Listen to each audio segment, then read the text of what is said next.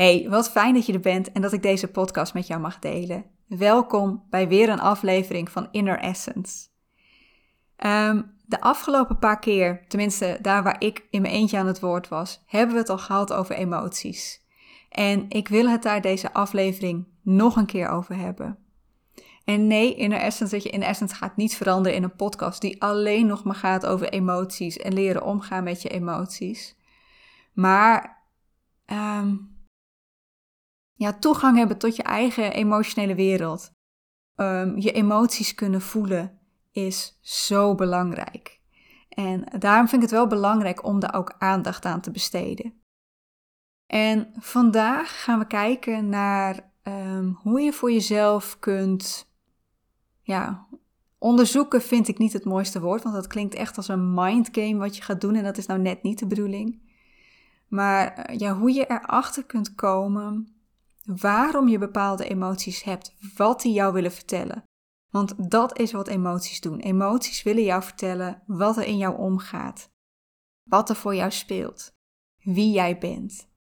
Dus dat is waar wij deze podcast mee aan de slag gaan. We gaan aan de slag met een aantal vragen die jij jezelf kunt stellen op het moment dat jij, ja, ik noem het nu maar even, iets voelt. Ehm, en dan gaat het nu even om een van de vier basisemoties: angst, verdriet, boosheid of blijdschap. Zou jij er ook achter komen waarom je voelt wat je voelt en wat je daarmee in je leven kunt? Dan zou ik zeker blijven luisteren. Welkom bij Inner Essence, de podcast waar jouw essentie nog meer naar voren mag komen. Door te ontdekken wie jij diep van binnen bent en hoe jij wilt dat jouw leven eruit ziet. Omdat jij 100% jezelf mag en hoort te zijn. Het waard bent om zelf te bepalen hoe jij jouw leven wilt leven vanuit jouw ware essentie en jij alles in je hebt om dat leven waar te maken. Ben jij er klaar voor om samen met mij de ontdekkingsreis naar jezelf te maken, zodat jij vol liefde voor jezelf en vol vertrouwen in jezelf jouw leven gaat leven zoals jij dat wilt? Blijf dan zeker luisteren.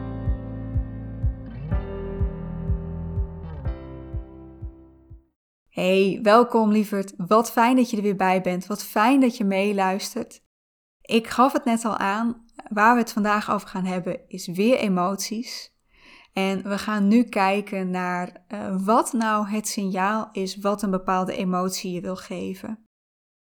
Um, want dat is wat ze doen. Ze willen jou informatie geven over wie jij bent, over wat je wil, over wat voor jou belangrijk is, wat jij wil in dit leven en wat er nu misschien wel mist.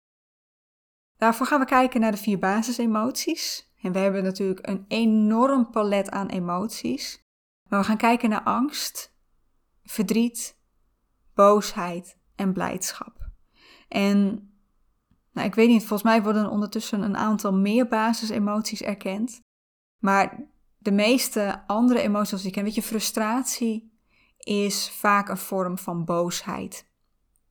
Eenzaamheid, daar zit heel veel verdriet achter.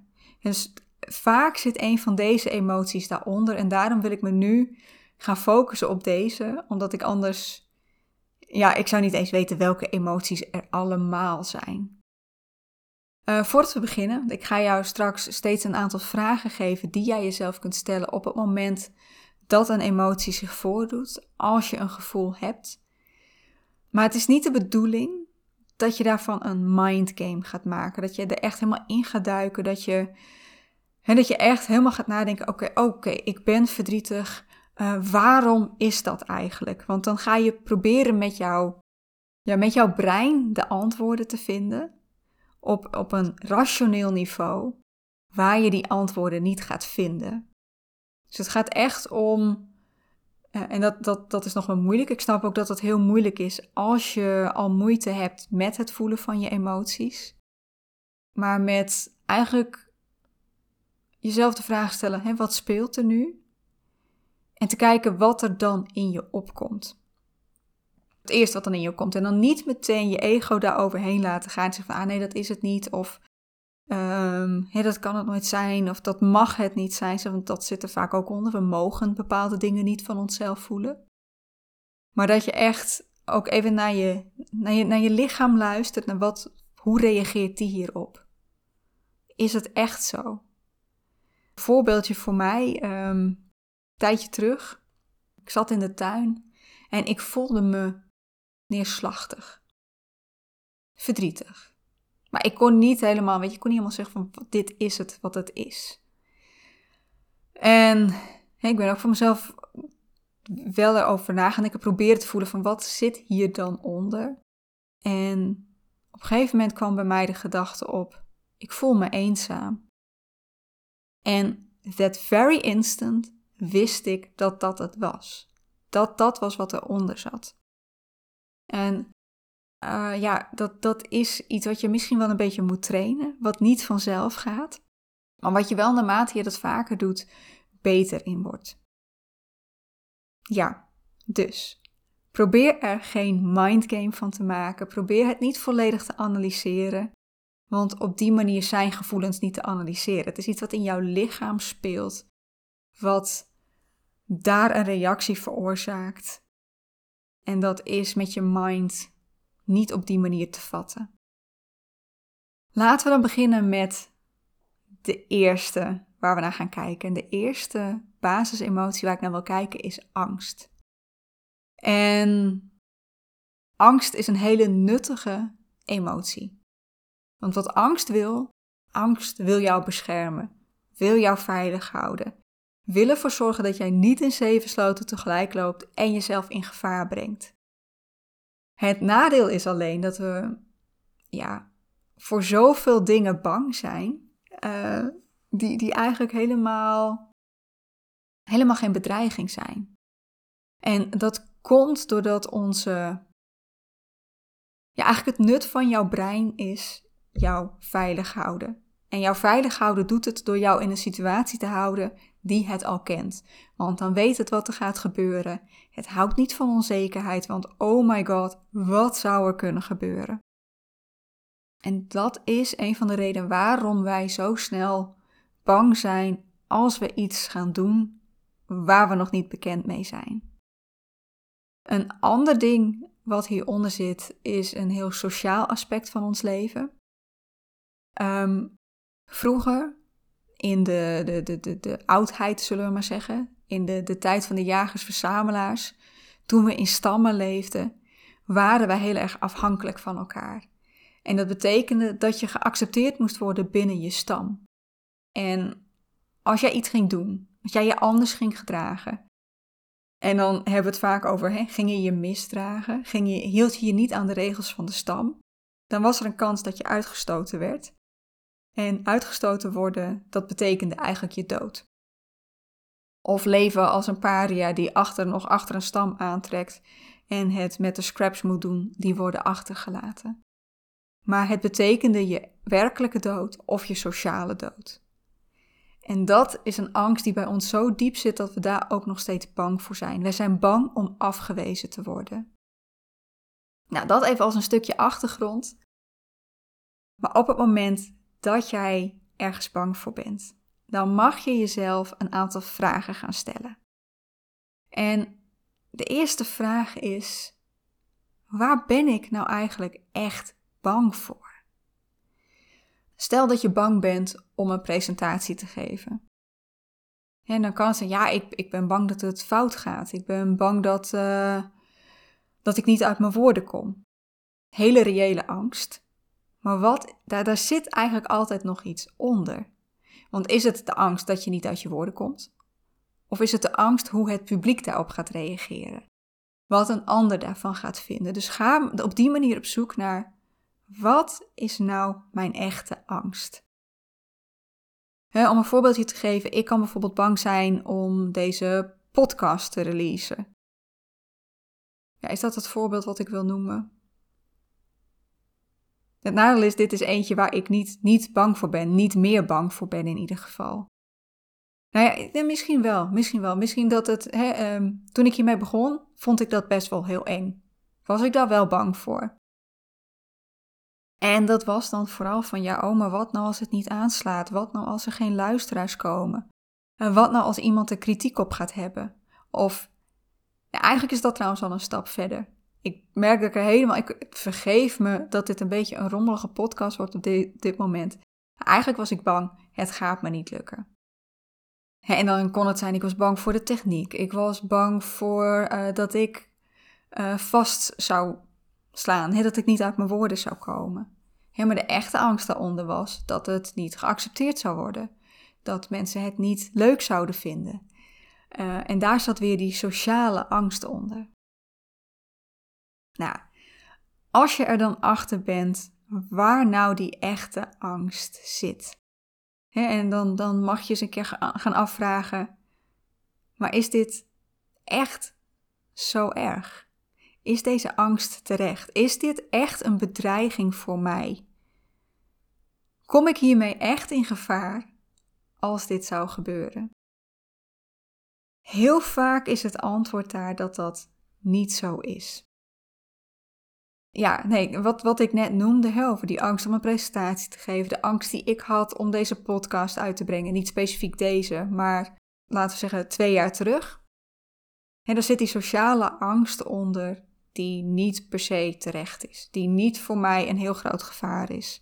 Want ja, weet je, stel dat er iemand is die deze podcast niks vindt. Oké, dan is dat zo. Maar het is niet levensbedreigend voor mij. Het is niet dat ik daardoor opeens in levensgevaar ben. Dat ik me daardoor, dat, dat daardoor mij lichamelijk iets kan overkomen. Uh, een andere angst die ik bijvoorbeeld heb, is een angst voor gladheid. Ik kijk niet uit naar de winter. Um, en daar zit wel echt een angst onder dat ik mezelf kan bezeren. Dat ik onderuit ga en bijvoorbeeld een been breek. Nog steeds, hoe reëel is die kans? Hoe groot is de kans dat je uitglijdt als het een keertje glad is? Nou, niet zo. Dus ja, die angst is voor mij ook zeker wel overdreven. Maar er zit nog wel een lichamelijk aspect achter waarvan ik denk, ja, maar het kan ook gevaarlijk zijn. Nou, op het moment dat je dan ziet, is deze angst terecht of niet? Want ik ga niet zeggen dat je nooit bang mag zijn. Er zijn zeker wel dingen die echt uh, voor jou een risico zijn. Maar op het moment dat die niet terecht is, of, of dat je het, het risico aanvaardbaar is, dan kun je voor jezelf gaan onderzoeken. Maar wat kan ik dan doen om dat op te lossen? Wat zit hieronder waar ik niet per se bang voor hoef te zijn en waardoor ik toch die stap kan zetten?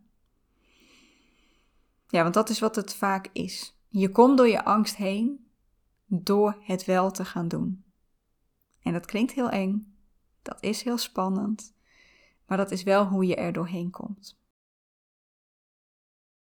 De tweede emotie waar ik naar wil kijken is verdriet. En verdriet is ook nuttig. Verdriet hebben we nodig om dingen te kunnen verwerken. Als wij iets verliezen, dan hebben we het nodig om een, een rouwperiode in te gaan. En bij rouw hoort verdriet. Niet alleen verdriet trouwens, er hoort ook boosheid bij. Het is een heel spectrum. Maar een van de dingen die we nodig hebben om ons verlies te verwerken, is, is daar pijn om kunnen hebben. Is dat verdriet door kunnen gaan. En een tweede nut van verdriet is, is dat het je laat zien wat je mist. Wat jij heel graag in je leven zou willen. Wat belangrijk is voor jou. En uh, wat je nu niet hebt. Dus wat, het voorbeeld wat ik noemde, dat over, over die eenzaamheid die ik voelde. Dat is iets wat, wat mij wil laten zien dat ik behoefte heb aan sociaal contact. Aan verbinding met mensen. Dus dat is waar we bij verdriet naar mogen gaan kijken. Ten eerste is, wat, wat maakt dat je je nu zo verdrietig voelt? Wat mis je op dit moment in jouw leven? En als dat iets is wat je echt bent verloren, dus stel er is iemand overleden, hè, dan kan het zijn een familielid, een ouder, een broer of zus, een, je, je opa, oma. Het kan ook je partner zijn. Uh, maar desnoods is het je huisdier. Dat, dat is iets waarvan ik zeg, dat, dat is een pijn waar je ook echt even doorheen moet. Dat is niet iets waar je meteen vervanging voor gaat zoeken. Dat doen mensen wel eens met een huisdier. Maar het wordt niet altijd aangeraden om te doen, zeg maar. Want uh, de persoon of het huisdier wat je bent verloren, uh, daar had jij een band mee. En die band is niet zomaar te vervangen. Dat, die band moet weer op een andere manier plaats krijgen in jouw leven. Maar stel dat het iets is en wat, wat, wat je niet per se verloren bent, maar wat je wel graag zou willen hebben in je leven. in mijn geval bijvoorbeeld dat sociale contact, die verbinding, maar het, kan ook iets heel anders zijn. Dan is er een volgende vraag die je jezelf mag stellen. En dat is wat, wat kun je doen om dat wel in jouw leven te krijgen? Welke stap kun je zetten waardoor je daar wel toegang toe krijgt? In mijn geval zou het zijn dat ik weer eens contact op kan nemen met mensen die ik al een tijdje niet heb gesproken. Dus wat is dat voor jou? Wat kun jij doen om dat weer of uh, überhaupt in jouw leven te krijgen? De derde emotie is boosheid. En nou is het zo dat we eigenlijk in het hele spectrum van emoties die we niet hebben leren kennen, dat we die misschien niet mochten voelen. Het kon zijn dat je niet angstig mocht zijn, dat je altijd te horen kreeg dat je daar maar doorheen moest bijten en het gewoon maar moest gaan doen. Of dat je niet verdrietig moest zijn. Dat, dat, dat, als je er even voor ging zitten, dan ging het wel weer beter en dan was er niks aan de hand. Maar heel veel van ons hebben geleerd dat we niet boos mogen zijn. Maar ook boosheid is een ontzettend nuttige emotie. Is eentje die heel belangrijk is in ons leven. En ik vind hem ook moeilijk om te voelen. Maar wat boosheid ons laat zien, is waar onze grenzen liggen. Wat belangrijk voor ons is in dit leven. Um, waar jij voor staat. Want op het moment dat iemand jouw grenzen overschrijdt of iets doet waar jij het niet mee eens bent, dat is het moment dat jij die boosheid voelt. En op het moment dat jij zegt dat je die niet mag voelen, dan uh, laat je eigenlijk iedereen maar. Dan, dan sta je eigenlijk toe dat iedereen maar doet wat hij wil doen. Met jou. Als het gaat om jouw kernwaarden, stel onrechtvaardigheid, is eentje die bij jou heel hoog staat. Dat, dat je er niet tegen kunt dat iemand onrechtvaardig is. Je kunt niet altijd ingrijpen als je dat ziet gebeuren. Maar als iemand onrechtvaardig tegen jou is, heb je natuurlijk alle recht om daar boos over te zijn. Wat wel een belangrijke is bij boosheid, is dat boosheid ook nog wel wil zijn dat daar een andere emotie onder zit. Zeker als je hebt geleerd dat je nooit bang mocht zijn, of dat je niet verdrietig mocht zijn, of, uh, of dat er iets in je verleden heeft gespeeld waar je eigenlijk heel verdrietig over bent, maar waar je boos over bent omdat je dat niet hebt, dan kan het zijn dat die boosheid van jou een masker is voor het eigenlijke verdriet of de eigenlijke angst die daaronder zit. Een voorbeeld voor mij daarin is dat ik. Um, ik heb het daar in aflevering 99, waar het ging, mijn eerste podcast over emoties. Waar ik het heb over heb gehad over waarom we het zo moeilijk vinden om met onze gevoelens om te gaan, om onze emoties te voelen. Uh, heb ik het gehad over hoe jouw kindertijd daaraan bij kan dragen. En dat heeft bij mij ook heel erg gespeeld. Ik had ouders die niet per se emotioneel toegankelijk waren. Die überhaupt wel een beetje afwezig waren in mijn jeugd. Ook al waren ze fysiek wel aanwezig. En ik heb daardoor echt wel iets gemist. En ik ben daar heel lang ook ontzettend, tenminste vanaf het moment dat ik me realiseerde dat dat heeft gespeeld in mijn jeugd, ben ik daar heel boos over geweest. Hoe konden ze mij dat aandoen? Hoe, hoe kon het dat zij er niet op die manier voor mij waren? Maar eigenlijk is dat een verdriet. Het verdriet dat ik dat heb moeten missen. En dat is iets wat bij jou ook kan spelen. Dus kijk ook even goed van, is dit echt boosheid wat ik nu voel? Of ben ik eigenlijk verdrietig? Of ben ik eigenlijk ergens bang voor? En want eigenlijk wil je dat wel weten, omdat je dan de juiste vragen kunt stellen. Want je kunt nu wel, stel je voelt je ontzettend boos, maar het is eigenlijk verdriet. Kun je jezelf wel die vragen gaan stellen over boosheid? Maar eigenlijk wil je erachter komen waarom je zo verdrietig bent en wat je kunt doen om, daar, om dat wel weer te gaan ervaren. dat, dat gemis wat je hebt. Nou ja, goed. Laten we er even van uitgaan dat jouw boosheid inderdaad boosheid is. Dan is de vraag die je jezelf mag stellen: maar waar word ik dan nu in geraakt? Wat is het nou waar ik zo boos over ben? En welke grens is er bij mij overschreden? Of waar ben ik het totaal niet mee eens dat dit nu gebeurt? Welke kernwaarde van mij word ik nu ingeraakt? Is wel nog wat je, wat je, wat je daarbij mag, mag uh, nog een vraag die je zelf mag stellen. Zeker als het gaat om kernwaarden. Is deze boosheid van mij? Of is hij eigenlijk van iemand anders? Uh, want ook in onze kindertijd leren wij van onze ouders waar we boos over zouden moeten zijn.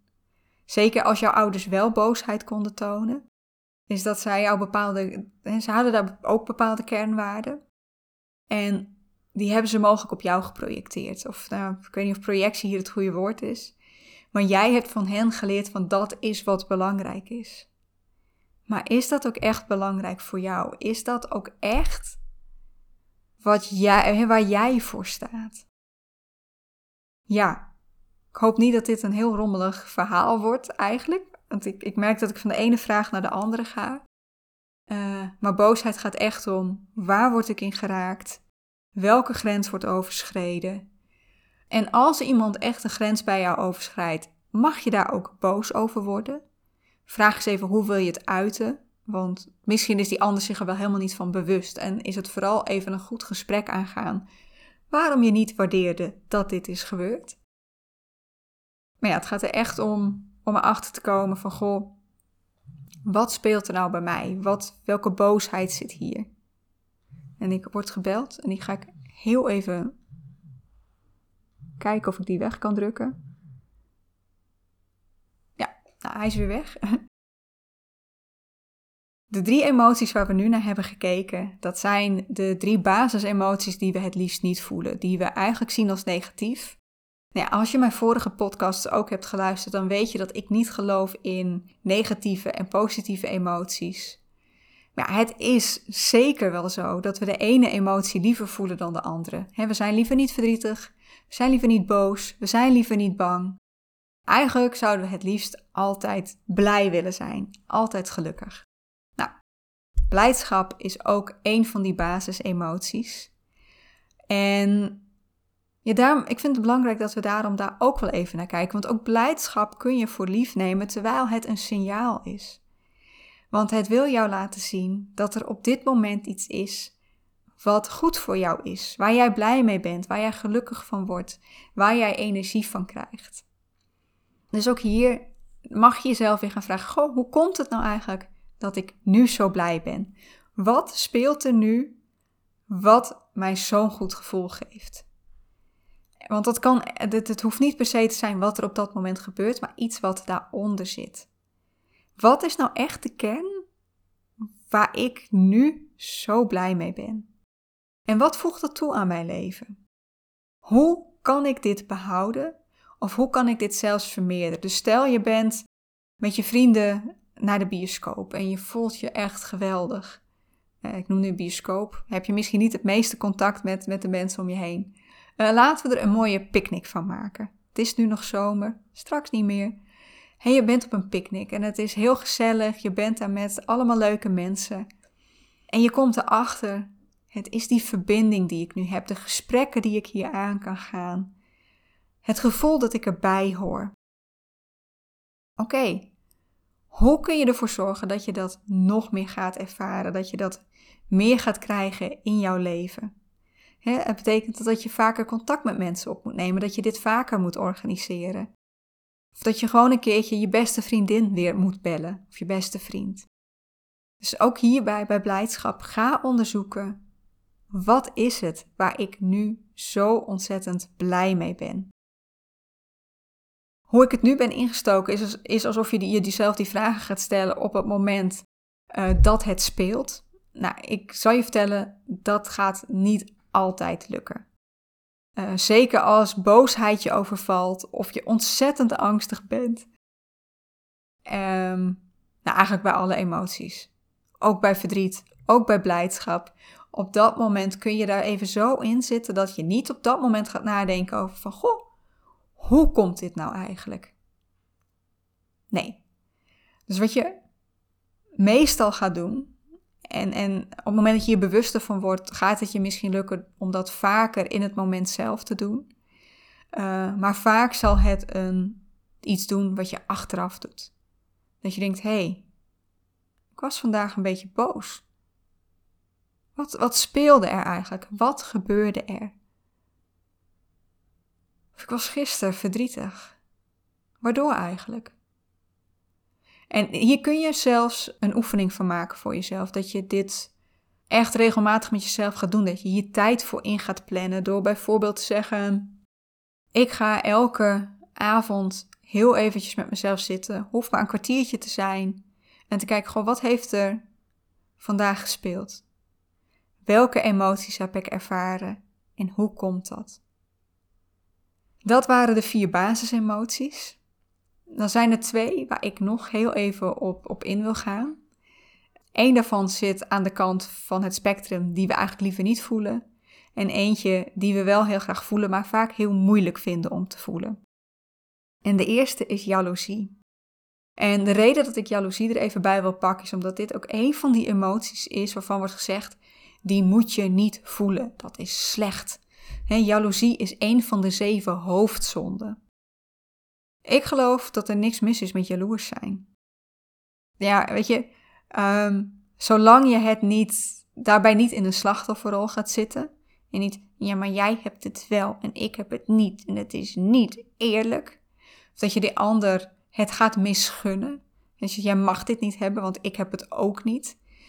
Want er op die manier in gaat zitten, laat jou niet beter voelen. Het laat jou niet ontdekken wat het dan is, wat je wil.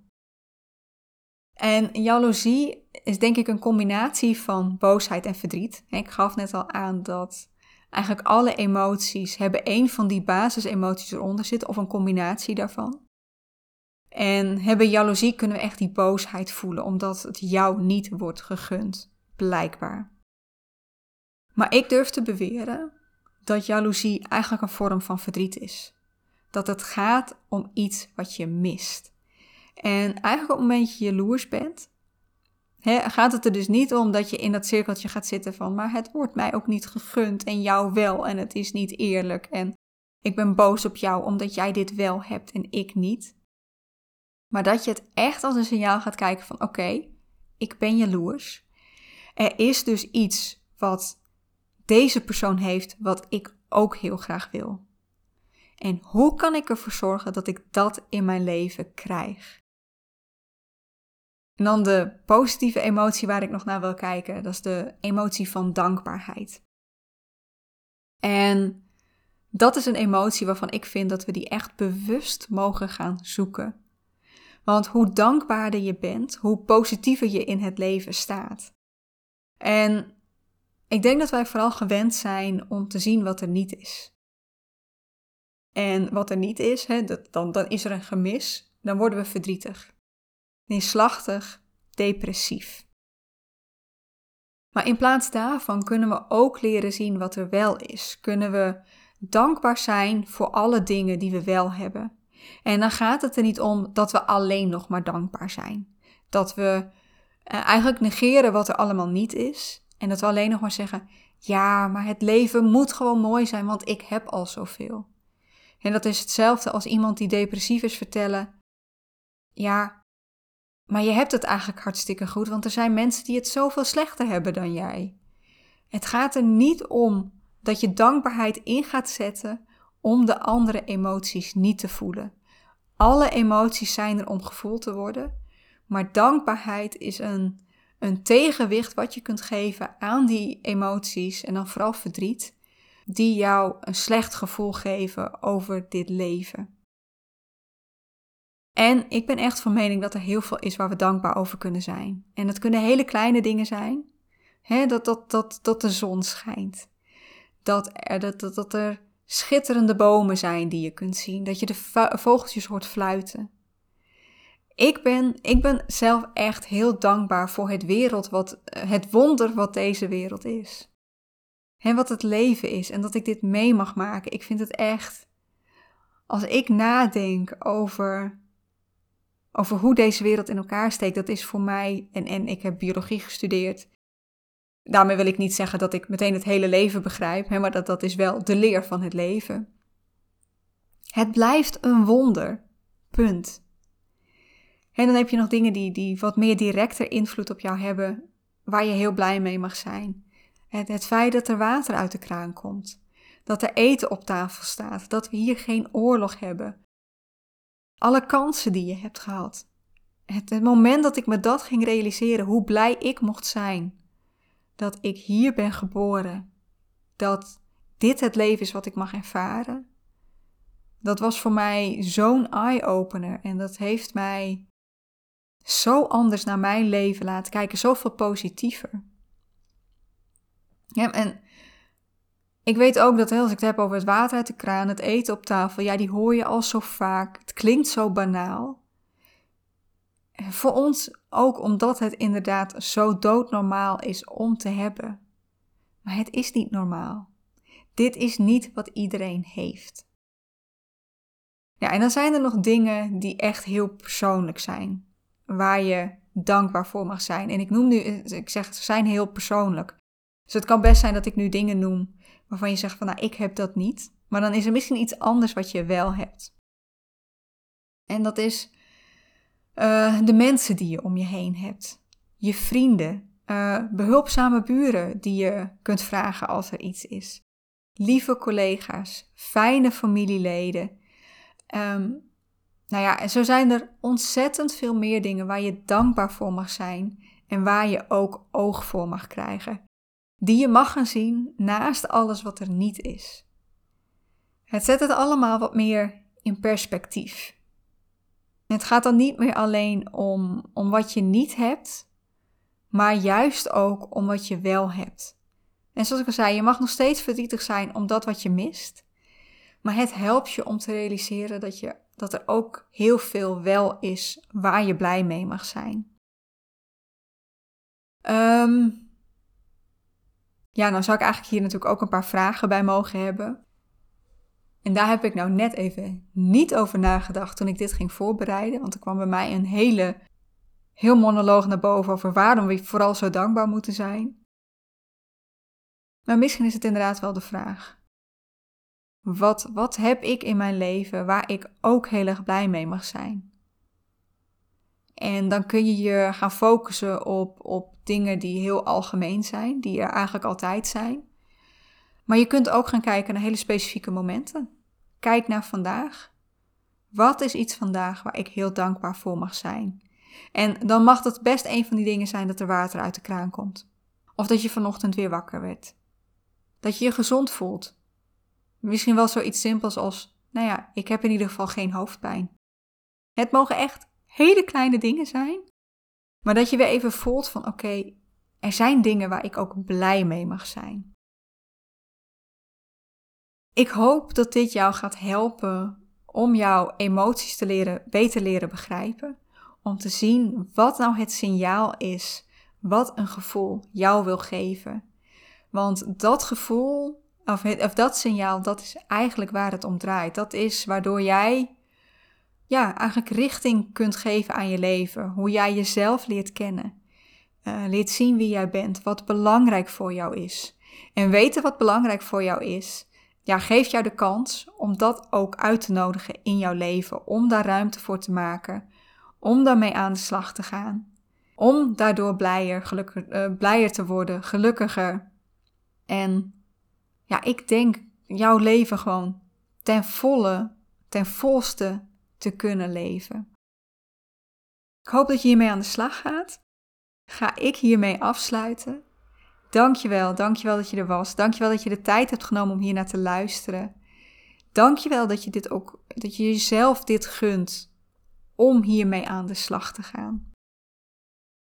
Ik weet het, een podcast is altijd eenrichtingsverkeer je hebt nu niks terug kunnen zeggen. Is er iets wat in deze podcast bij jou naar boven is gekomen of waar je nog iets over wilt vragen? Neem dan vooral contact met me op. Ik vind het ontzettend leuk om met jou in contact te komen, om jou beter te leren kennen. En de makkelijkste manier daarvoor is via Instagram. Daar vind je me op inner essence.nl of door mij een e-mail te sturen. En dat kan op anneke.inner-essence.nl. Denk je dat deze podcast ook voor andere mensen nuttig is? Dan zou ik het ook heel fijn vinden als je dit voor mij wilt delen. En dat kun je gewoon doen door deze naar uh, die personen te sturen die dit heel goed kunnen gebruiken. Maar je zou mij er ook heel erg mee helpen, of deze podcast, om, om nog groter te kunnen worden uh, door dit voor mij te delen op de socials. Als je een screenshot maakt van deze podcast en die deelt in jouw stories, mij daarin tagt, dan vind ik het ook ontzettend leuk om daarop te kunnen reageren. Ga ik afsluiten.